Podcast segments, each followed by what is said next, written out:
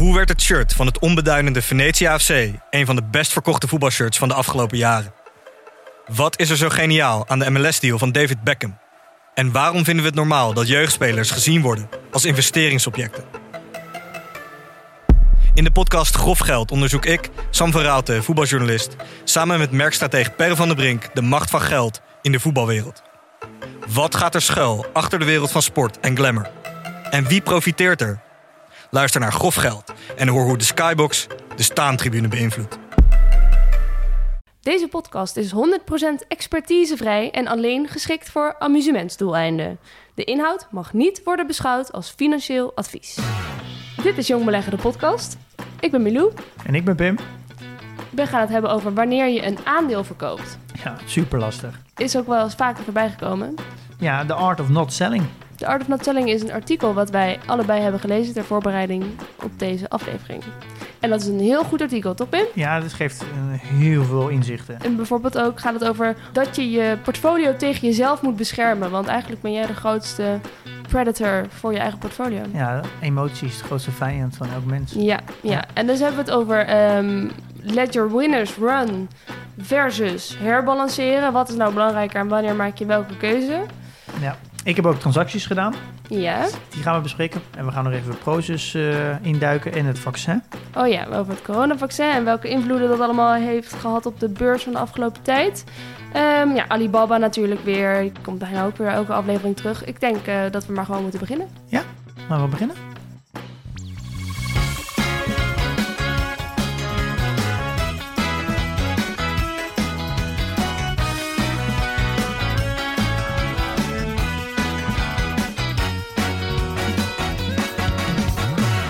Aflevering vorige week met uh, Ernst Fout. Ja, dus, maar ik, ik was wel, dat was een beetje inkomen nog op het begin. Ja. Te zoeken van uh, hoe is de dynamiek uh, met ja. z'n drieën. Ja, het is toch anders natuurlijk. Ja, even, even wennen. Klopt, maar het smaakt wel naar meer. Ja, de komende, ik denk dat we de, ja, in december uh, alleen maar gasten gaan krijgen zo. Ja, de maand van de gezelligheid. We doen in december een grote gastenmaand, toch? Ja, ja. Nou, misschien kunnen we nu al vertellen wie onze volgende gast gaat worden. Alex Otto. Pim, wie is dat? Ja, door Alex ben ik eigenlijk begonnen met beleggen. Ja, um, de grote inspirator achter Pim Verlaan. Ja, en heeft mij ja. eigenlijk het eerste zetje gegeven. En dat was in, uh, we zijn helemaal begonnen in 2017. Maar ga ik allemaal ja. vertellen nog. En, en, ook wie dat precies is, daar komen we ook allemaal op terug. Ja, maar het is in ieder geval een man met, uh, met volgens mij meer dan 40 jaar ervaring in het vak. Uh, heeft een hoop meegemaakt. Het wordt echt een hele leuke aflevering. Ik kijk er heel erg naar uit om, uh, om hem mee te spreken. Elke keer als ik hem spreek, dan kom ik met zoveel nieuwe inzichten thuis. Dus ik, ik kijk er echt naar uit. Kunnen we veel van leren? Ja, zeker. Oké, okay, leuk. Um, oh ja, en we krijgen best wel wat vragen of ik ook mijn uh, portfolio ga openbaren. Er staat niet heel veel in, zoals jullie uh, trouwe luisteraars weten. Maar gaan we mijn openbaren? Ik vind het prima, maar ik weet niet hoe dat moet. Ja, dat kunnen we wel doen. Je kan op een gegeven moment in, uh, je portfolio ook gewoon inladen in de portfolio dividend tracker. Ja, precies. Um, en er komt binnenkort wel een optie aan dat, um, dat die deelbaar wordt. Dus dan is je portfolio ook inzichtelijk. Oké. Okay. Maar het is misschien ook wel leuk om af en toe ook te delen hoe het, uh, hoe het ermee gaat. Ja. Uh, hoe gaat het nu uh, met je portfolio? Nou, um, ik zit weer volgens mij op de toppen van waar ik ooit ben geweest. Volgende aflevering heb je weer nieuwe aandelen gekocht. Ja, en dat worden waarschijnlijk andere aandelen. Een Oeh, andere ETF. Ja. Spannend. Daarover volgende dus week volgende meer. week ga je er meer over delen. Ja, maar ik, ik ben nu al... Ja, misschien... Het is natuurlijk niet heel indrukwekkend voor onze Alex Otto gast. Maakt er niet uit. Iedereen, uh, iedereen zijn eigen ding. Oké, okay, goed. Nou ja, volgende week daar dus over meer, ja. Ik heb trouwens ook bedacht dat... Uh, nou, jij hebt natuurlijk het product, de Portfolio Dividend Tracker. Ik dacht, ik ga ook een product maken. Jong beleggen, de kaasgaaf. Ja, dan kunnen we gewoon een soort van merchandise. En dan komt er ergens het logo op. En dan kunnen mensen die bestellen. Ja, ja nee, heel leuk. Ja, dat is geniaal, toch? Ja, briljant. Ja, jong belegen, jong beleggen. Het is inderdaad de woordspeling met kaas... Uh, voor mensen die daar nog over twijfelden. Het grappige is, als je jong beleggen googelt... dan krijg je ook op pagina 2 uh, naar de Albert Heijn van kaas. Oh, echt? ja. Wauw. Ja. Nou, kijk. Jong beleggen de kaasgaaf. Uh, coming soon in een webshop near you. Dacht ik. Wie weet. Dat is maar een ideetje. Verder nog mededelingen voordat we. Ja, heel veel over de mailtje. Ik krijg, ik krijg heel veel leuke mailtjes, maar het, het lukt me gewoon niet om, uh, om iedereen te reageren. Ik probeer, ik reageer wel af en toe, maar er komen er meer binnen dan eruit gaan. Dus de lijst wordt alleen maar langer. Ik uh, zit nu over de 150 die in de wachtrij staan. Oh dear. Uh, Dus ik, ik heb het vermoeden dat ik dat dit jaar niet meer ga redden. Het wordt ook een drukke maand, december. Dus ik denk dat ik in de, bij de meeste in januari uh, erop terugkom. Ik ga wel zorgen dat ik op iedereen reageer, maar dat wordt dan waarschijnlijk in het nieuwjaar. Heb je ook al een auto-reply? Nee, dat nog niet. Dat, uh... Dan kun je daar al inzetten van, ik heb het heel druk, weet je wel? Ja. Misschien luisteren ze dit niet. Misschien moet ik dat wel doen, ja. Ja, dat is misschien een idee. Oké, nou dan kunnen we nu echt beginnen. Want um, deze aflevering hebben we het dus over wanneer verkoop je een aandeel. Ik heb het gevoel dat we daar vaker al over hebben gehad. Waarom blijft dit terugkomen? Is dit zo belangrijk? Hoeveel invloed heeft het op wanneer je iets verkoopt of vasthoudt juist? Het is eigenlijk natuurlijk een onderwerp wat constant terugkomt. Dus dat je hebt natuurlijk eigenlijk twee belangrijke momenten. Dus het kopen. Ja. Nou, dat is al een, een, een groot moment. Daar doe je lang onderzoek naar en op een gegeven moment besluit je om het te kopen. Maar dan is natuurlijk het volgende moment, wat je dan kan hebben, is verkopen. Ja. Ik merk dat dat best wel lastig is. Uh, want het ligt er ook uh, aan, wat, ja, voor mij, wat, voor, wat is je eigen strategie? En want als je bijvoorbeeld meer richting value investing gaat, dan ga je heel erg kijken naar de intrinsieke waarde. Dus als een aandeel op een gegeven moment boven de intrinsieke waarde komt, dan kan je bijvoorbeeld tegen jezelf zeggen, nou, dat past niet meer binnen mijn strategie. Hij is nu te duur geworden. Dan ga je het verkopen. Dus ik verkoop en ik zoek een ander aandeel wat onder intrinsieke waarde zit. Dat is dus, ik merk dus heel erg dat het, het verkopen van een aandeel dus ook heel erg afhankelijk is. Wat is je eigen strategie en filosofie? Dus waar mhm. voel je jezelf comfortabel bij? Heb je daar al een vast omlijnde strategie zelf bij? Nou, eigenlijk niet. En ik heb natuurlijk nog niet echt een eigen strategie. Ik ben dat nu heel erg aan het vormen, heel erg aan het zoeken. Dat deel in ieder geval. Ja, ja. dus eigenlijk gewoon de basis van waar, wat is mijn filosofie en mijn strategie. En daar hoort ook wat voor tijdbesteding wil ik er, uh, wat, ja, hoeveel tijd wil ik aan besteden, wat is mijn risicotolerantie, waar voel ik me comfortabel bij, bij de bedrijven die ik, waar ik dan eigenaar van ben. Ja. Um, dat zijn dingen waar ik nog heel erg mee aan, aan het zoeken ben, aan het spelen ben. Ja. Uh, dus het, het, het verkopen, wanneer verkopen, is dus ook, ook een hele moeilijke vraag voor mij. Had je je überhaupt wel echt gerealiseerd dat dit ook een onderdeel van je strategie kan zijn? Want ja, je strategie is dus wat voor soort bedrijven je wilt hebben, uh, hoeveel procent in welke sector. Maar ook het verkopen is eigenlijk dus heel erg onderdeel van je strategie. Wist ja, jij dat? Nou ja, had ik me niet goed gerealiseerd. Nee, helemaal niet. Ik, ik denk, het ging, je denkt op het begin dat het heel erg gaat om kopen. Ja. Maar het gaat eigenlijk, denk ik, steeds meer om verkopen. Ja. Uh, of juist misschien juist niet verkopen. Uh, ja, dat noemen ze dan ook wel uh, kapitaalallocatie. Je hebt kapitaal in bepaalde bedrijven en uh, je wil natuurlijk altijd dat het op een plek zit waar het het meeste rendeert. Ja. Soms besluit je van hey, het rendeert op deze plek niet goed genoeg meer. Of ik, het rendeert nog wel, maar ik zie een andere plek waar ik denk dat het beter rendeert. Dus dan verplaats je het naar een andere plek. Dus je bent eigenlijk constant als belegger kapitaal aan het verplaatsen. Ja, en daar heeft verkopen natuurlijk veel invloed op. Ja, absoluut. Ja. En wat ik heel erg merk is dat dat verkopen vind ik heel erg lastig. Ik heb nog geen duidelijke, van, dat is nog steeds niet genoeg duidelijk wat mijn filosofie en mijn strategie is. En omdat mijn strategie nog niet duidelijk is, weet ik ook niet precies wat ik nou met verkopen moet. Want waar baseer ik dan een aandeel dat ik verkoop? Ja je kan dus zeggen, nou, je, omdat als je meer value investing gaat, dan moet het als je overgewaardeerd gaat verkopen, want ik wil het risico niet lopen. Ik wil altijd onder de of rond de intrinsieke waarde zitten. Uh, maar ja als, je, ja, als je veel meer, uh, meer groeiaandelen zit, dan wil je juist je winnaars laten lopen. Uh, ja. Uh, en dan, maar dan gaan, als je winnaars laat lopen, dan gaat er gewoon een punt komen dat winnaars overgewaardeerd worden. Want daardoor zijn het winnaars. Dus ja. die, die groeien waarschijnlijk iets harder dan, dan dat de omzet en de winsten kunnen volgen. Dus het is altijd best wel een lange periode van overwaardering. Ja. Uh, en hoe ga je daar dan weer mee om? Ja, als je strategie is dat je niet wil dat ze overgewaardeerd ja, dus je. Je, ik merk dat het verkopen, als, je daar, als je daar geen emotie in wil hebben, moet je dus een goede strategie hebben. En die strategie heb ik nog niet. Nog niet duidelijk voor mezelf. Waardoor ik eigenlijk de vraag wanneer verkoop ik een aandeel eigenlijk ook niet goed kan beantwoorden. Okay. Wat ik dan heel erg doe, dat is dan ook een stukje onzekerheid. Dat is precies zo hoe mijn portfolio er nu uitziet. Dan ga je, dan in eerste instantie ga gewoon heel veel aandelen kopen. Mijn portfolio is natuurlijk heel erg gespreid. Ja. Ik, daarom ben ik natuurlijk nu aan het, aan, weer aan het verkleinen. Ja. En ik denk dat, hoe ik het nu steeds meer zie, is dat ik in totaal misschien twee, drie jaar nodig heb om echt te leren beleggen. Dat ik begrijp wat ik doe. Dat ik me ergens comfortabel mee voel. Dat het gewoon precies. Dat ik precies een filosofie en een beleggingsstrategie heb die bij past bij mij als mens en bij mijn situatie. En dat ik denk ik na, na drie jaar, nou, ik heb nu, uh, ik ben klaar met beleggen. Ja. Ik stop ermee. Maar dan met in de zin van, ik, ik heb gewoon een, een groepje aandelen waar ik me comfortabel ben. Ik weet gewoon precies de regels die ik hanteer. En ik ga één keer in het kwartaal even kijken Dus dan heb ik eigenlijk genoeg tijd om wat anders te doen. Dus dan ga ik een nieuwe hobby zoeken. Ja, Ehm, oké. Eh, dus ik heb wel het idee dat, dat, dat de kracht in beleggen zit hem wel heel erg in de passiviteit. Maar om op een fase te komen dat je comfortabel passief kan beleggen, moet je wel een actieve slagen maken. Ja. Even dan, eh, even als we kijken naar aankopen en verkopen eigenlijk dan vooral die je de afgelopen tijd hebt gedaan. Wat zou je dan, wat waren jouw motieven dan destijds en, en hoe denk je daar dan nu over? Nou, dat is een, de aandelen die ik verkocht heb, die kan je in tweeën delen. Ja, Eén heel groot deel zijn vooral, de nou, ongeveer 9 van de 10 zijn verliezers. Eh, die heb ik dus verkocht. Dat zijn van mijn dividendportefeuille. Die heb ik verkocht en die heb ik gestopt in vergelijkbare aandelen.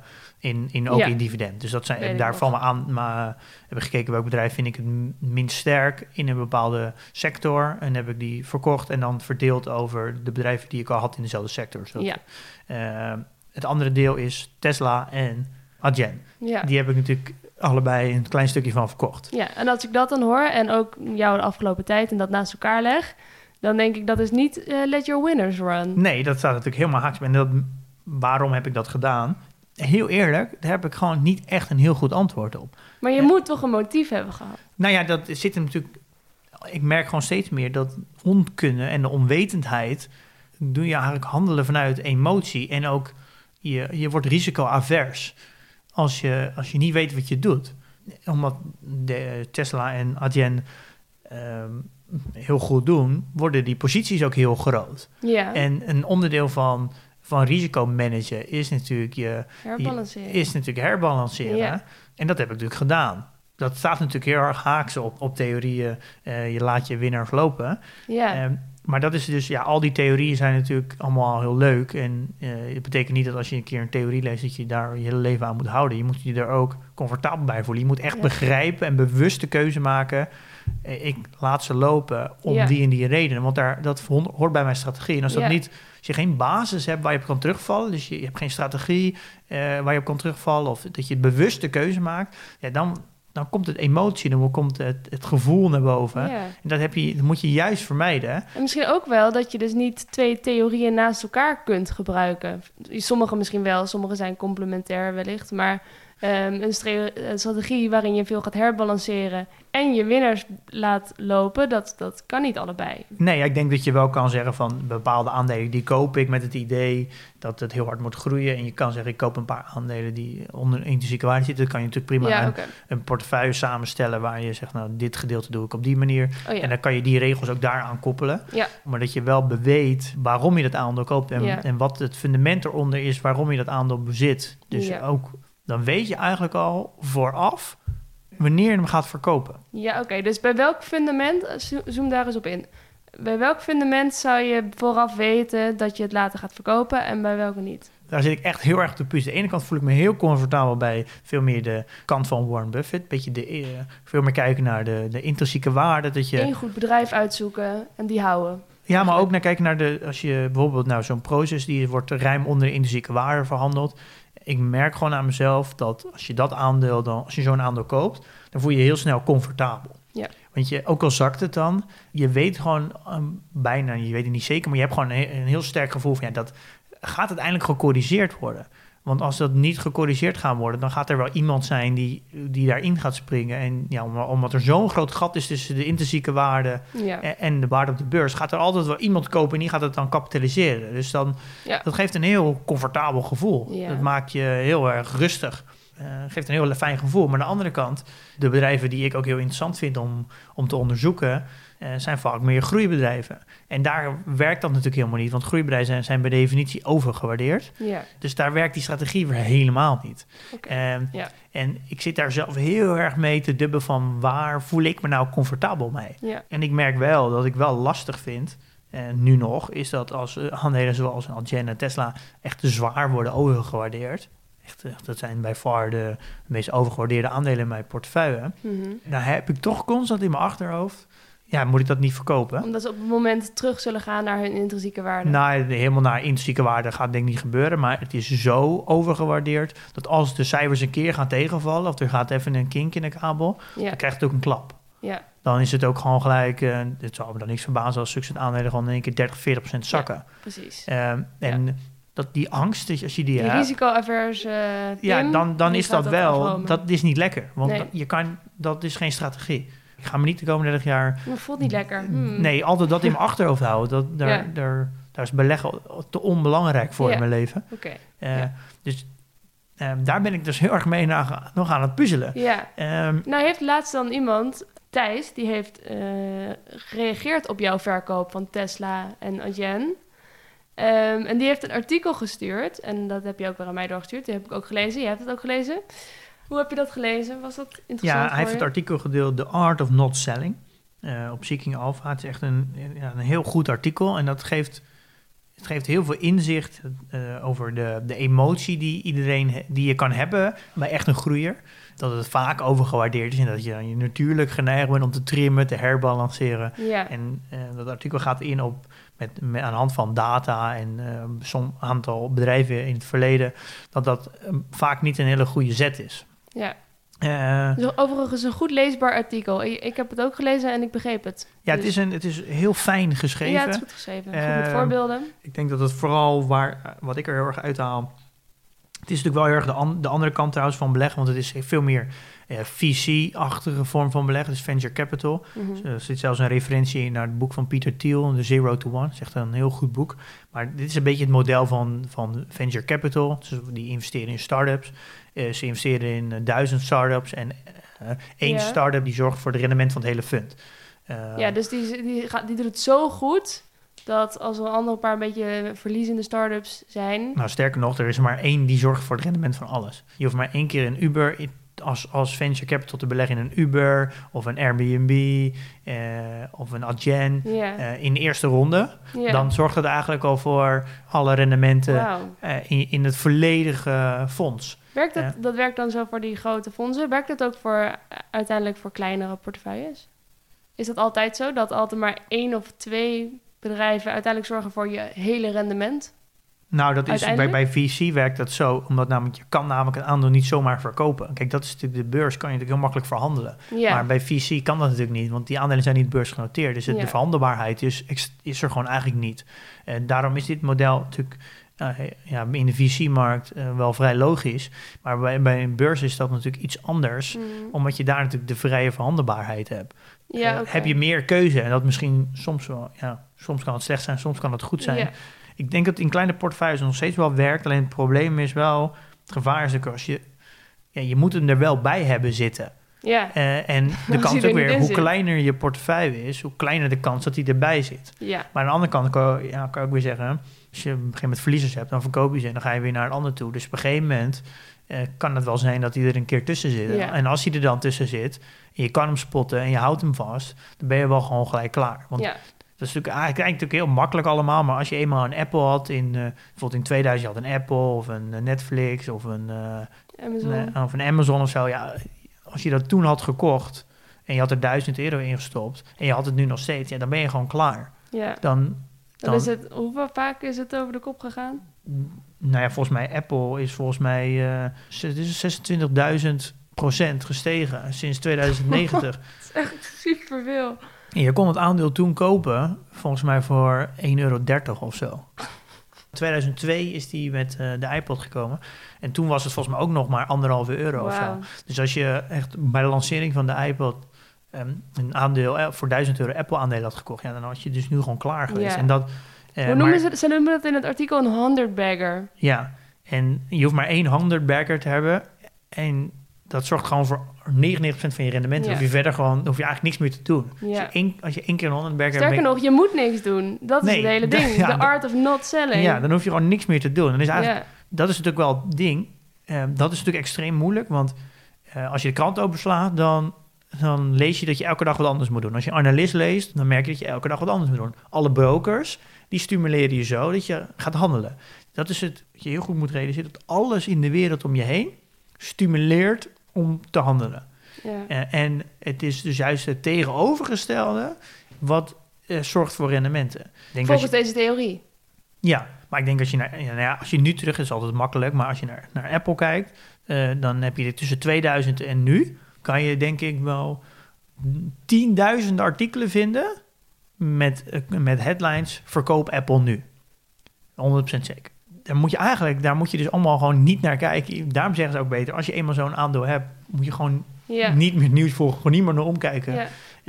Maar dan is eigenlijk, ik kan me dan voorstellen dat je, als je zelf gaat kijken naar welke aandelen je dan zelf zou willen kopen, dat die aandelen juist, die 100 baggers, die zijn al vaak best wel dan duur nu. Je hebt Ja, het idee dat je te laat bent. Moet je wel nog dan instappen? Of is het... nou, dat, is, dat klopt natuurlijk wel. Dat is ehm, hoe, like, hoe later je natuurlijk instapt, hoe kleiner je risico is. Want je, hoe meer het al bewezen is. Ja, Eh, maar aan de andere kant, ja, hoe, kleiner het rendement is. En ik zit wel, daar, daar, dat vind ik dat wel leuk aan, be- aan beleggen, is dat, dan vraag ik me dus nu af, kan ik de komende vijf à tien jaar, er ontstaat ongetwijfeld weer een, één keer in de zoveel tijd, kan je denk ik wel zo'n 100 backer spotten. Vraag me, kan ik dat spotten? Lukt het me dat? En als ik daar dus maar 1000 euro in stop, of, of 5000, wat relatief weinig voor mijn portefeuille is, dan is, zou je gewoon klaar kunnen zijn als je dat volhoudt. Daar bewust van zijn dat soms van, dat, dat dat er is en dat dat kan. En hoe, waar je dan op moet letten, ja, geeft, ja, een geeft, uitdaging. ja, geeft ook wel een machtig gevoel dat, je, dat als je dat eenmaal te pakken hebt en je denkt je te pakken hebt, dat je gewoon eigenlijk gewoon klaar bent als belegger. Ja. Ja, Eh, zo klinkt het heel makkelijk bijna. het klinkt heel makkelijk, maar ik denk wel, ja, dat is. Ik denk dat iedereen wel door had dat toen de iPod uitkwam eh, met Steve Jobs en daarna even dat dat bedrijf gewoon echt iets speciaals had. Daar, eh, dat, had, dat had iedereen wel door. Ja, en ik denk dat het spotten ervan dat, dat Apple heel bijzonder was, niet heel moeilijk was. Maar ik denk dat de uitdaging hem zit in, kan je hem vasthouden? Want dat zegt het artikel ook, dat er in de afgelopen 30 jaar is het wel, eh, volgens mij, eh, twaalf keer echt flink naar beneden gegaan. Echt soms Ja. met 50%, soms een keer met 80% naar beneden gaan. Ja, ga maar eens een aandeel vasthouden dat 50% naar beneden gaat. En dan weer vertrouwen inhouden dat het weer omhoog gaat. ja, Ja, maar ik denk dat je soms wel bedrijven hebt. Bijvoorbeeld, ik heb een Tesla voor het eerst eh, aangeraakt in 2013. Toen mer- voelde je aan alles al, dit is, dit Bijzonder. is, dit is bijzonder. Dit Ja. is echt van een compleet andere wereld. Ja. Wat En, ik, toch, en toch heb je het dan nu dus een beetje afgeroomd, een beetje van verkocht. En dat artikel eh, waar we het over hebben, die eh, man die dat schrijft, ik neem aan dat het een man is. Ja, ja, denk het, ja, weet ik ook niet eigenlijk. Ehm, hij schrijft: Trimming down my positions in Amazon and Netflix a few years back has been among the costliest decisions of my life. Ja, Dus dat heeft hem heel veel geld uiteindelijk gekost. Hij loopt daar heel veel door mis, zegt hij. Doordat hij die aandelen een beetje heeft teruggeschroefd. ja, hij zegt eigenlijk zijn grootste fouten komen door het, het verkleinen, trimmen Ja, van zijn winnaars. ja, Ja, dat is natuurlijk zo. Want als je eenmaal een, een Apple of een Amazon eh, of een Netflix eh, tien jaar geleden in je portefeuille of nog verder terug. ja. En je hebt dat een keer getrimd onderweg. Ja, dan dat is natuurlijk gewoon je. Zonde van je geld. Ja, dan heeft dat niet kunnen compounden. Dat is natuurlijk je, je slechtste beslissing ooit geweest. Maar wat heb jij dan nu net gedaan, Pim? Ja, nee, maar dat, ik vind dat ik, ik heb dat gedaan met eigenlijk gewoon puur. De reden waarom ik ook heel veel aandelen in mijn portefeuille heb. Ik heb natuurlijk overal gelezen dat je nou, tussen de ideale portefeuilles, tussen de 15 en de 25 om erbij. Ja, dan lees je dat en denk je, ja, het zal wel. Eh, maar uiteindelijk eindigde ik toch met 54 aandelen, omdat ik gewoon behoefte had aan spreiding, om, aan minder risico. maar mijn vraag is eigenlijk, heb je nou spijt? Nee, helemaal niet. Nee, want ik, die kennis had ik toen niet. Nee, maar had je het nu dan nog een keer gedaan? Nou, het gekke nog is, ik heb het artikel gelezen en ik heb nog steeds in mijn hoofd dat ik, dat ik, dat ik omdat ik Tesla e- echt heel erg overgewaardeerd vind. En dat is het gekke in dit artikel staat, dat je staat er letterlijk van eh, dat dit een emotie is en dat je dat het geen reden is. Dus ik weet niet waar het precies staat, maar het staat letterlijk.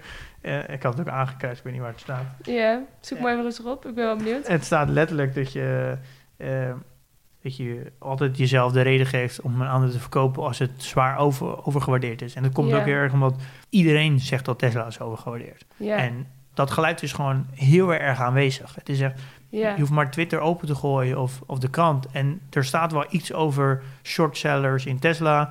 En nou, zelfs op de community ging het over dat, dat mensen dan rationeel willen verklaren eh, waarom, hoe de waardering van Tesla in elkaar zit. Dat iedereen zegt het is veel te duur. ja. Het probleem, wat heel vaak is, is dat de mensen die geen Tesla hebben, dat als een aandeel heel hard groeit, zijn alle mensen die, er niet, die het niet hebben, die gaan dan altijd heel hard schreeuwen dat het overgewaardeerd is en dat het nergens op slaat en dat het een bubbel is. Eh, en je gaat daar ook heel erg over twijfelen. Van, ja, moet ik misschien niet wat winsten Ja. nemen? Dus dat is emotie wat ik hoor. Want uiteindelijk, Ja. alle bedrijven die jij in je portfolio hebt, die heb jij gekozen met een reden, namelijk dat je er groei in ziet. Uiteindelijk verwacht je ook dat er niks mis is met het bedrijf, dus dat het ook wel logisch is dat het, dat het groeit. Ja, dat is natuurlijk het. ik- denk dat het makkelijker is Dus als een, intrinsieke keuze om het te kopen, daar is niks aan veranderd. Nee, maar ik denk, nee, dat klopt. Maar ik, en je bent dus heel erg bezig ook. Van je, ziet, eh, je ziet dat je, je wil die winst ook gaan vasthouden. Dan ben je ook heel erg bezig met korte termijn. Ja, En dus is ook heel erg te veel te focussen op wat voor rendement wil ik dit jaar Ja. maken. Oké. En daar gaat dit, dit voor mij is dat, dat dit artikel eh, zorgt ervoor eh, om na te denken over wa- wanneer verkoop je een aandeel of juist Ja. waarom niet. Doet mij eigenlijk denken aan dat ik weer terug moet naar, naar mijn strategie. ja, Daarom vond ik dit artikel zo goed. Het zet je onwijs aan het denken. ja, goed zo. Eh, Denken is gezond. en als mensen een lot in een loterij hebben, dan heb je altijd het gevoel van ik kan een winnaar zijn of zo. Ja. Heb je altijd iets waardoor je leven op een positieve manier extreem kan veranderen. Ja, En die kans daarop, dat, dat voelt lekker. ja, En ik merk dat dat mij ook heel erg veel doet in, in als ik inzicht daarin krijg in beleggen. Is dat wat ik vorige keer had, dat een, een aandeel kan je maximaal 100% verliezen, maar je kan er makkelijk, je zou er makkelijk 1000% op kunnen winnen. ja. Het geeft ook een heel machtig gevoel dat je, dat je eigenlijk veel meer kan winnen dan je überhaupt kan verliezen. En dat geldt natuurlijk met dit ook. Als je eenmaal zo'n zo'n 100 bagger. 100 bagger kan spotten en die kans is er, dat gevoel dat dat er altijd is, eh, en dat dat gewoon om, eigenlijk gewoon eh, dat die ene beslissing kan, eh, kan jou gewoon gelijk een goede belegger maken de rest van je leven. Ja. Ja, geeft mij wel een, een fijn gevoel. Ja, ja, het maakt het natuurlijk super spannend en ook gewoon heel leuk. En je hebt er meer controle over dan bij loterij natuurlijk. Want dat is gewoon een kwestie dus- van een paar nummertjes die je in een envelopje krijgt. Ja, dus het is, dat, ik, dit is natuurlijk geen strategie, maar ik, ik denk dat je prima, als je de komende tien jaar gaat beleggen, dat er best wel grote kans is dat je een van die aandelen spot. Dat denk ik echt. Als je kijkt dan naar bijvoorbeeld eh, de S&P 500... en je gaat ervan uit dus dat er een paar bedrijven zijn... die zorgen voor het hele rendement van een index waarschijnlijk... terwijl de rest een beetje een loser is. Is dat ook zo bij de S&P 500? Nou, ja, nou, dat klopt eigenlijk. Ja, dat klopt. Eh, de mensen die in, in een S&P beleggen, dat doe jij natuurlijk ook. Ja. Daar zit dit principe eigenlijk in verwerkt. Dat komt omdat het een index is gebaseerd op de beurswaarde. Eh, dus hoe groter de beurswaarde van een bedrijf, hoe groter het percentage in de index. Ja, Ehm, dus dat betekent automatisch dat de vijf grote bedrijven, de technologiebedrijven, dus ook automatisch een groot gedeelte van de S&P vormen. ja, En dat is natuurlijk precies de theorie van eh, laat je winnaars lopen. Ga niet afromen. nee. Bijvoorbeeld Apple of Amazon zijn steeds meer gegroeid door de jaren heen. Dus die zijn procentueel gezien, of ze zijn qua beurswaarde steeds meer omhoog gegaan, omdat Ja. ze groeien. Waardoor Ja. automatisch ook in de S&P zijn ze een groter onderdeel geworden, procentueel gezien. Waardoor ze eigenlijk in de S&P nooit zijn afgeroomd. Ja. En maar omdat ze procentueel gezien groter worden, vallen er automatisch aan de onderkant de verliezers af. En die worden procentueel gezien kleiner. Dus het concept van dit artikel zit eigenlijk verweven Oh, wow. in de S&P. Winnaars worden steeds groter Ja, qua beurswaarde, maar ook dus qua percentage. En de bedrijven die verliezen, die worden qua beurswaarde kleiner, worden ook een kleiner percentage. Waardoor je automatisch dit concept in verweven is. En dat is ook de reden waarom de S&P over al die jaren heen een, altijd een groeiend rendement heeft. Wauw. En Ja. daarom is de S&P ook de moeilijkste index om te verslaan. En daarom is indexbeleggen ook, ook zo krachtig. Ja, dus echt ook maar een paar bedrijven in die, van die 500... die zijn verantwoordelijk voor dat, al dat rendement Ja, erin. ik denk dat, wat zijn ze, 25% van, eh, van de, de bedrijven... die zorgen voor al het rendement. Ja, Voor al het rendement. hard. Ja, En ik denk dat het goede punt is waar dit artikel gaat over... dat je geen emotie... dat emotie je grootste vijand is. En die Ja. emotie heb je niet in een, Nee. in een ETF. nee. Daarom is een- de S&P gewoon een, eh, een hele goede index om in te beleggen. Ja. Een ETF om in te beleggen. En daarom is het zo moeilijk te verslaan. Ja, Je moet vooral leren omgaan met je eigen emoties. En dat goed begrijpen waarom je keuzes maakt. en dan kun je hem om- ooit gaan verslaan. om de S&P te vinden. Dus het is echt emoties. ja. Ik denk dat je zelf je grootste vijand bent. Want ik denk dat alle winnaars, ja, dat, je, dat die iedereen wel een keer in zijn portfolio Ja, heeft gehad. dat lees ik ook terug. Ehm, dus dat schrijft hij. Bescherm je portfolio first and foremost tegen jezelf. Ja, Je bent je ergste vijand. ja, dat geeft mij weer, ook weer hoop. Je hoeft niet alles te weten. Je hoeft niet een soort van ehm, duizend boeken te lezen... en bedrijven door en door te analyseren... Nee. om een goede belegger te zijn. ik denk dat je vooral als belegger zijnde jezelf heel goed moet kennen. Ja. Een strategie moet maken. Ja. Maar dat zijn alle die dingen die ik nu noem, zijn alle dingen die je gewoon zelf kan oplossen. ja, dat is gewoon te doen inderdaad. Iemand kan 10.000 uur gestoken hebben in kennis over beleggen, maar dat maakt hem degene helemaal, helemaal niet zozeer een betere belegger. Nee, Die kan er misschien beter over praten. ja, dat geeft inderdaad hoop. Heb je nog, eh, zijn er nog andere punten opgevallen in, eh, in het artikel wat nee, je wil ik denk bespreken? echt dat we Nee? inmiddels alles wel hebben gehad. Ik heb niet al die opmerkingen gelezen en al de comments. Jij wel, volgens mij, maar daar heb ik me niet aan gewaagd. Ik vind het altijd wel leuk in zo'n soort artikelen over om, comments te lezen. Hoe denken andere mensen over? En daar krijg je echt een. Nou, je krijgt comments lopen echt uit een van geweldig artikel van mensen met voorbeelden dat, om die theorie onderuit te halen. En Ja, Mensen die hebben een andere strategie en die, eh, die vinden dat veel beter. Je merkt ook heel erg dat het bijna een soort van religieachtig ding wordt. Ja. ja. Nou, discussie eh, natuurlijk. Ja, het is ook, een theorie is ook maar een mening. Ja, en het grappige is, dat vind ik dan leuk als je dan die comments leest, dan kan je daar eigenlijk, dan probeer ik dan een soort van neutraal door die comments heen te wandelen. Ja, Een soort van die kant naar links te kijken, naar rechts te kijken. ja. eh, En dan die twee perspectieven te lezen. En, Delen eh, meer mensen dat maar, Pim. Als je het niet over beleggen gaat, maar gewoon over Zwarte Piet bijvoorbeeld. Of gewoon, laten we naar elkaar luisteren. Nee, ik hoef het niet over Zwarte Piet te hebben, maar mensen gewoon, dat je neutraal door comments kan kijken. In plaats van alleen maar versterkt worden in je eigen denkbeeld. Zou een hoop oorlogen hebben voorkomen. ja, ik, ik doe dat dan vooral om te kijken of ik, eh, of ik kan leren van andermans Ja, perspectieven. Daarom en denk zouden nee, kan ik, doen. sta ik daar ook achter of niet? Heel goed, Pim. Ga zo door.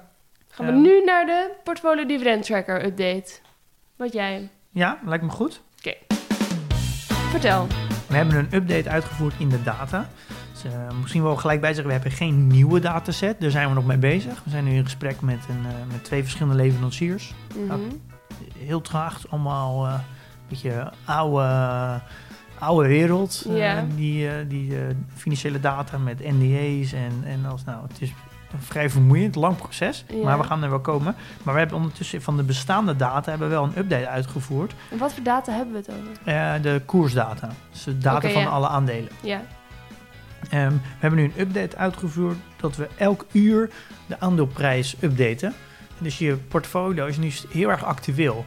Eh, Oh. Eerst was het om de paar dagen of om de dag. Ja. Er is een heel hoge interval tussen. Dus als je dan keek, ja, was het eigenlijk een beetje gedateerd al. ja. Maar nu gaan we dat elk uur updaten. Dus je, je totaal rendementen, Die, eh, die, zijn dus, die, zijn nu heel, ja, heel actueel. Ja. Eh, waardoor het natuurlijk de portfolio nog toegankelijker wordt om naar te kijken. Ja, en is dan ook uiteindelijk het, het plan om, om naar de, naartoe te werken dat het op, precies op het moment dat je kijkt, dat het gewoon... Ja, nee, het, het doel is natuurlijk om richting real-time te gaan. Ik denk, echt real-time gaat het nooit worden, want dan moet je specifieke contracten sluiten met alle beurzen, dus bijvoorbeeld met Euronext en zo. Wij zullen dan altijd een vertraging hebben van mm, bijvoorbeeld een minuut. Dus ja, een vertraging van een minuut is natuurlijk prima, want wij hoeven niet te handelen. Nee. Eh, dus je mag het nooit real-time noemen, maar Ja, het is wel een soort van real-time. Daar wil ik natuurlijk wel naartoe. En dat, is, gaan we ook zeker, dat gaat ook zeker lukken. cool. ja, we kunnen naar een punt toe straks waar, we, en, waar je dus niet meer in de Giro hoeft te kijken, maar dat je straks ook gewoon hetzelfde ziet. Eh, wat je bijvoorbeeld je rendementen tot nu toe zijn vandaag, Ja. eh, maar dan in het toe. Cool. Nou, volgende week geef ik ook een update over Jong Belegde Kaasgaaf. Ehm, dan ga ik nog eventjes eh, langs alle nieuwe vrienden van de show. Hou je vast. Richie, Mulder, Geert, Job, Jeroen, Tim, Tom, René, Jens, Juriaan, Job, Jan, Koen, Wouter, Patrick, Robin, Erik, Sebas, Arjan, Bertjan, Isabelle, Erjan, Kevin, Tim, Wimpy, Leander, Ruben, Jelmer, Joris, Nick, Gert, Barbara, Mike, Roel, Hermen, Freek, Arjen, Bart, Alex, Bram, Juri, Bjorn, Pim, Martijn, Nienke, Peter, Ruben, Oscar, Kevin, Geert, Jorrit, Didier, Marcel, Martin, Steven, Christian, Jasper, Ted, Pelle, Casper, David, Lucas, Maarten, Alexander, Luc, Lotte, Skof, Chris, Peter Paul, Wim, Camille, Sterre, Tijn en Patrick. Dank voor jullie steun. Welkom Ja, bij de show. Welkom. Ja, echt super gaaf om te zien. Het wordt er elke week iets meer. Ik vind dat, ik vind dat zo fijn, zo Ja. bijzonder. Ja, Dat, eh, en ook die reactie die, eh, die ze dan achterlaten als, eh, ja, als ze doneren. ja, Ja, heel fijn. Dankjewel Ja. allemaal. wordt erg gewaardeerd. Gaan we naar nieuws. Ja, Had jij nieuws? ja zeker. Ik heb, wil even eh Proces aanstippen. Mhm. Die zijn van de week, die hebben een eh, gebroken boekjaar, die, maar die zijn gekomen met cijfers. Ehm, en daar is het omzet met 32% gestegen. Eh, en de operationele winst steeg met 43% naar 2,7 miljard. En ze hebben aangekondigd al dat ze een inkoopprogramma gaan doen. Dat hebben we een paar weken geleden aangekondigd. Ze gaan eigen aandelen inkopen van 5 miljard. ja. Nou, als ze dus al in een half jaar tijd een operationele winst hebben van 2,7 miljard. En ze, dat is dus, ja, zou je bijna zeggen dat ze dus over de 5 miljard alleen al aan winst gaan maken. Plus nog een hele grote service. Dat staan ze er echt onwijs goed voor. En wat ook wel een, een vaak een ding is met eh, holdingsmaatschappijen, dus die, die dus niet letterlijk een bedrijf zijn, maar meerdere bedrijven hebben, zoals Proces, waar de, de vrije kaststroom vaak heel laag is. En dat is ook altijd vaak een reden waarom altijd de bedrijven die ze bezitten iets ondergewaardeerd worden. Omdat er namelijk geen vrije kaststroom in de holding zelf zit. En dat houdt, ja, dan wordt het heel technisch, maar Je ziet mij kijken. ja, nou, als je bijvoorbeeld eh, zelf in een bedrijf belegt, dan zit daar gewoon geld in omloop. Maar als je een, een belegt in een holding, die eh, weer aandeelhouder is in meerdere bedrijven, dan zit er in die holding geen kaststroom. Nee. Eh, omdat namelijk Ja. dat zit in die bedrijven. Ja. Waardoor het natuurlijk minder aantrekkelijk is om te beleggen in die holding, omdat daar ook de, de, de ruimte om te veranderen, te verbeteren, heel laag is, omdat er geen, bijna geen geld doorheen gaat. Mhm. Dus eh, je, je, hebt, je hebt heel weinig bewegingsruimte. En daardoor eh, zit er ook altijd een iets van onderwaardering in, in de belangen die ze be- bezitten. Dus bijvoorbeeld 32% eh in Tencent wordt altijd iets ondergewaardeerd, omdat het namelijk, je bent iets minder flexibel. En, en dat het zo goed gaat, heeft dat dan te maken met de coronacrisis voor Proces? Ja, zeker. Ze zitten eigenlijk in een beetje consumer tech. Ze zitten Ja. bijvoorbeeld in eh, food delivery, Ja. zitten in social networks, eh, ze zitten in gaming. Alles wat coronaproof is. Alles wat- coronavirus ook klopt. En ze zijn ook heel veel eh, bedrijven met betaling, zoals Adyen, succesbedrijven hebben ze ook in zitten. Ze zitten verspreid in, in Zuid-Amerika, hebben ze heel veel food delivery. Ze zitten in India met een payment, ze zitten in China met Tencent. En je merkt dat, dat ze 5 miljard aan eigen aandelen gingen inkopen. Maar het aandeel ging gelijk omhoog, volgens mij echt wel 10, 17 procent. Maar toen kwam die dip in China, want de Ant Group hebben we het over gehad. Ja. Dat zakte, dat, eh, dat het de overheid mee ging bemoeien. En Ja. daardoor ging Ant Group beursgang niet door. Daar- Daardoor ging eh, Ja. Alibaba naar beneden, ging Tencent naar beneden. En daardoor ging de automatisch de koers van Proces ook naar beneden. Omdat eh, dat ze een heel groot belang daarin hebben. Het is een overdreven reactie. Het is altijd als iets. Het is een heel erg tijdelijk ding. Ik zie niet zozeer, zover ik dat kan beoordelen, dit nou echt op lange termijn heel veel impact gaat hebben Nee, op precies. een Alibaba of een Tencent. ja. Maar daar komen we straks op. Ik heb namelijk ook eh, een beetje bijgekocht, maar daar kom ik straks nog even op. Eh, daarom vertel ik dit nu. ja. Dus dat is eigenlijk over eh Proces. Die zijn er eigenlijk, staan er eigenlijk heel goed voor. En dan wil je het ook nog over het coronavaccin hebben, toch? Al die, eh die Ja, we kunnen over het echte vaccin hoeven we het niet te hebben. Maar er is weer een nieuwe gekomen naast die van Pfizer en Ja. Moderna. AstraZeneca. Ja, het lijkt wel dat elke maandag er een nieuw eh, Ja. vaccin wordt aangekondigd. Ja. Nou, de beurzen die, eh, zijn ook één grote hosanna. Die zijn er blij mee, ja. Eh, Shell, daar hebben Ja. het nog een tijdje gewoon, toen heb je gezegd, waarom heb je het niet verkocht? Ja, Eh 54% gestegen. oké. dus je moet nooit naar mij luisteren. Dat is Eh, alvast weer eventjes in een- bewezen. In een kleine vier weken Shell 54%, KLM 77%, ING 49% en Unibail Rodamco Westfield 86%. Het zijn Ja, natuurlijk allemaal bedrijven die keihard geraakt zijn door corona. Maar dat is wel, eh, ja, de echte de verliezers eh, zijn nu ook eh, echt weer omhoog gaan. Nog steeds nog niet echt op het oude niveau, maar, Beetje terug naar normaal. maar wel weer echt wel weer normaal. Nou, ja. Portfolio dan maar. Ja, nou al, al even kort aangeven. Ik heb dus transacties gedaan. Ja, Ik heb er vier gedaan, oké. waarvan ik er één heb verkocht, Apple. De positie volledig gesloten. Oh, Dus ik heb uh, al mijn aandelen in Apple verkocht. oké. Facebook, Microsoft, Apple en eigenlijk ook een, een beetje Alibaba als je die er meetelt. Dat zijn eigenlijk vooral dan drie. Het zijn drie hele grote bedrijven. Uh, nou, als je Google en Amazon meetelt, heb je er vijf. Ik vind eigenlijk dat drie van die vijf gewoon te veel. Ja, oké. Uh, ik vind eigenlijk zelf dat je er wel altijd minimaal één moet bezitten. Ja, ja, het heeft, zijn gewoon hele grote drivers in de benchmark. En ze volgen op een soort van elkaar allemaal wel een beetje. ja, Maar ik vind drie te veel. ja. Dan moet ik kijken, welke ga ik wegdoen? Uh, dan heb ik voor Apple gekozen. Uh, ik denk dat je daar eigenlijk nooit zoveel verkeerd aan doet aan Apple. Onwijs voor cash. Dus ik denk dat aan de hand van dat ze zelf aandelen inkopen, dat je daar prima jaarlijks rendement mee kan pakken. ja. Maar, Het was niet persoonlijk. Het lag niet aan Apple. Nee, het lag aan maar dat, het past. Ja, ik ben ook nog een beetje aan het zoeken naar, maar ik denk het past niet echt binnen, binnen mijn groeistrategie nu, Apple. Maar ik heb dus de, wel 44% rendement opgepakt. En mm Mhm. -hmm. ik heb het geld om erbij verdeeld over drie aandelen. Die je hebt gekocht. Ja, en die, Ja. heb ik, die aandelen Maar die zaten al in je portfolio. Ja, Ehm, Alibaba. Ik heb Proces ook wat bijgekocht. En Just Eat heb ik bijgekocht. Dat was eigenlijk niet de bedoeling. eh, want ik, er was al best wel een grote positie. Maar ik heb even... Ja, ik was een, even kijken van die daling. 16% in twee weken tijd. Het staat nu hier to date op 3,5%. De, ja, dus 3,5%. Maar als je kijkt naar de omzet, gigantisch gestegen. Dus als je gaat kijken, vergeleken met 1 januari en nu, is de omzet echt gigantisch gestegen. En ze hebben maar een rendement van 3,5%.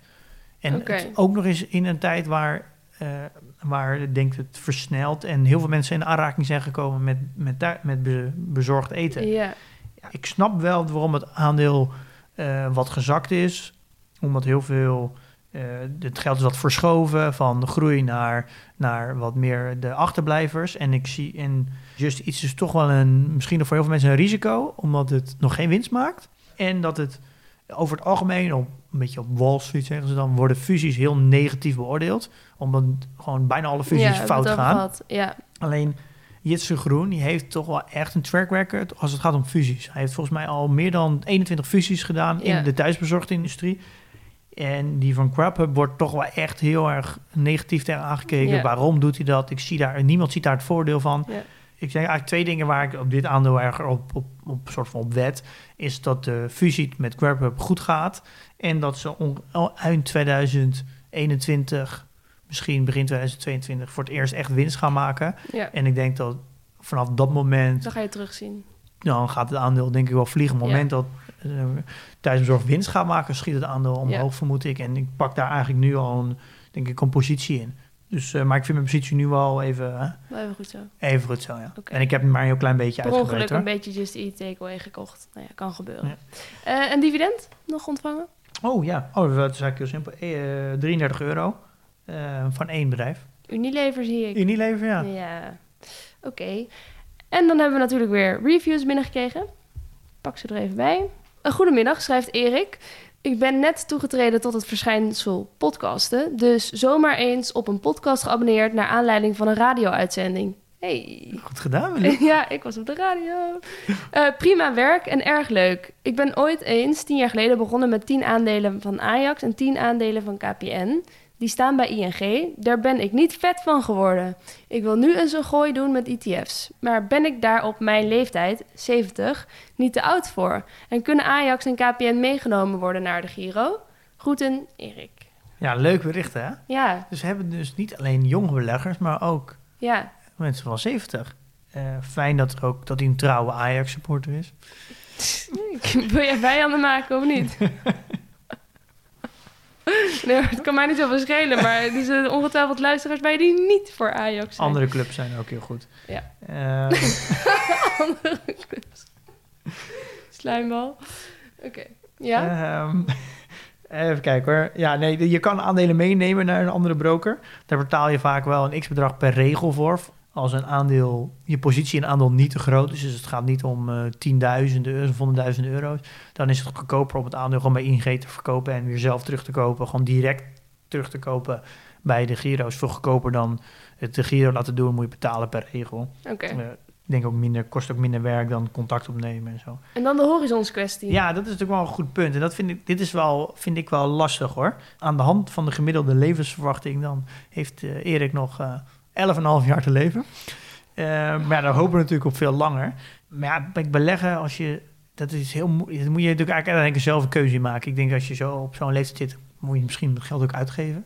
Als je het echt op een gegeven moment nodig hebt om bijvoorbeeld te leven, Ja, eh, om dan, iets leuks te gaan doen. ja, dan is het natuurlijk wel, zou je wel anders beleggen dan als je Ja. zegt, nou, het is echt over, het maakt me echt niet uit. Ja, zou je bijvoorbeeld gewoon een S&P kunnen beleggen, maar eh, je kan ook kiezen voor bijvoorbeeld een dividend-ETF, waar je leeft van je dividenden. Maar het ligt ook weer aan hoeveel het is.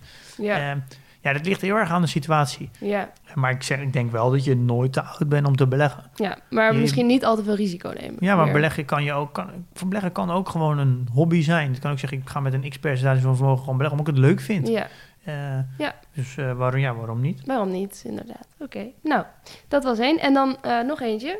Beleggen met geleend geld is de titel van het mailtje.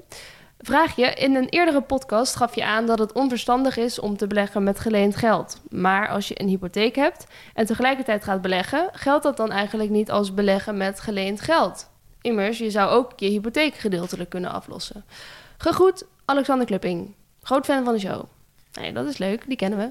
Ja, een leuke vraag. Ik snap de gedachte wel, maar het idee van beleggen met geleend geld is vooral dat je leent om te beleggen en dat je onderpand ook je beleggingen zijn.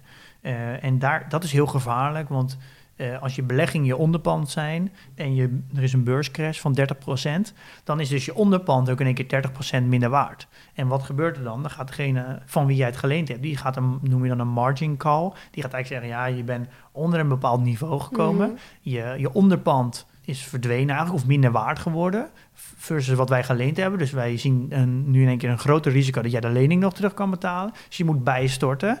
Of je moet dus aandelen verkopen eh, om dat weer te corrigeren. Dus dan moet je maar, dan verkoop je dus op het laagste moment. Ja, En dat is, dat is een heel groot risico. Dat is een soort van sneeuwbaleffect negatief. Dat is een crash en dan moet je, je een margin call, dan moet je verkopen op het laagste punt. En dan gaat het nog, dus je, daar wordt gezegd, beleggen met geleend geld is een heel hoog risico. ja. Maar dat is vooral als je eh, belegt waar het geld, waar je onderpand je beleggingen zijn. Ja. Dat is ook een ander verhaal als je een hypotheek hebt, waar je natuurlijk een maandelijkse verplichting aan hebt, dat je onderpand is je huis. En je voldoet in principe aan je maandelijkse verplichting doordat je hypotheek aflost. Ik vind het weer een ander verhaal als je een vrij aflosbaar hypotheek hebt, waar je dus niet hoeft af te lossen, maar je alleen de rente betaalt en je gaat dan beleggen, dan voelt het wel alsof je iets meer belegt met geleend geld. Ja. Eh, maar als je wel je maandelijkse verplichtingen hebt, ja, denk ik dat dat wel prima is. Want dat houdt eigenlijk in, dus als je op vakantie gaat, of je koopt een eh, e-ink scherm aan de muur, dat je dat dan ook doet met geleend geld. En wat voor scherm? Ja, dat snapt hij wel wat ik daarmee bedoel. Oké, Oké, nou dank Alexander voor de goede vraag. Volgende week gaan we het hebben over hoe dit allemaal voor Pim Verlaan, presentator van Jong Beleggen de podcast, begon met Alex Otto. Ja, dat klopt, eh, Milo Brandt. Ja, sorry, het is toch jouw verhaal? En dan moet ook je achternaam een keertje weer bij. Ja, het voelt een beetje alsof ik twee personen ben zo. eh. Pim Verlaan en Pim zijn Ja. twee verschillende personen. Ja, ja. Volgens mij is het een en dezelfde. En hij zit hier voor me. Ehm, nou, ik kijk er naar uit. Ik Jij volgens mij echt- nog meer. Ja, ik kijk hier heel erg naar uit. Ja. Ik eh, heb heel veel vragen. Ik ben ook heel benieuwd wat, eh, wat Alex van mijn eigen portfolio vindt. Hoe, die vindt dat ik me ontwikkel en waar ik mee bezig ben. Hier ben ik ook benieuwd naar. Ehm, Nog heel veel. Wie is hij precies? Ja, hij, heeft een, eh, hij is nu vrij recent met pensioen. Hij heeft daar ook een eh, afscheidsinterview gekregen in het FD. Oké. En ik, ben, ja, vind het eigenlijk bijzonder dat hij nu al zo snel aanschrijft. Maar hij heeft een, eh, ja, zijn hele carrière, als als ik het goed zeg, een soort van vermogensbeheerder geweest. Dat heeft hij bij Deltaloid gedaan. En bij, als familieoffice bij de familie Blokker. Dus hij heeft een, denk 40 jaar beleggingservaring. Ja, en dat komt hij met, met ons delen. wauw. Een eer eigenlijk. Ik heb er zin in. Ja, ik ook. Kijk heel erg naar uit. Goed, nou, voor de tussentijd dan. Investeer in je kennis. En beleg met beleid.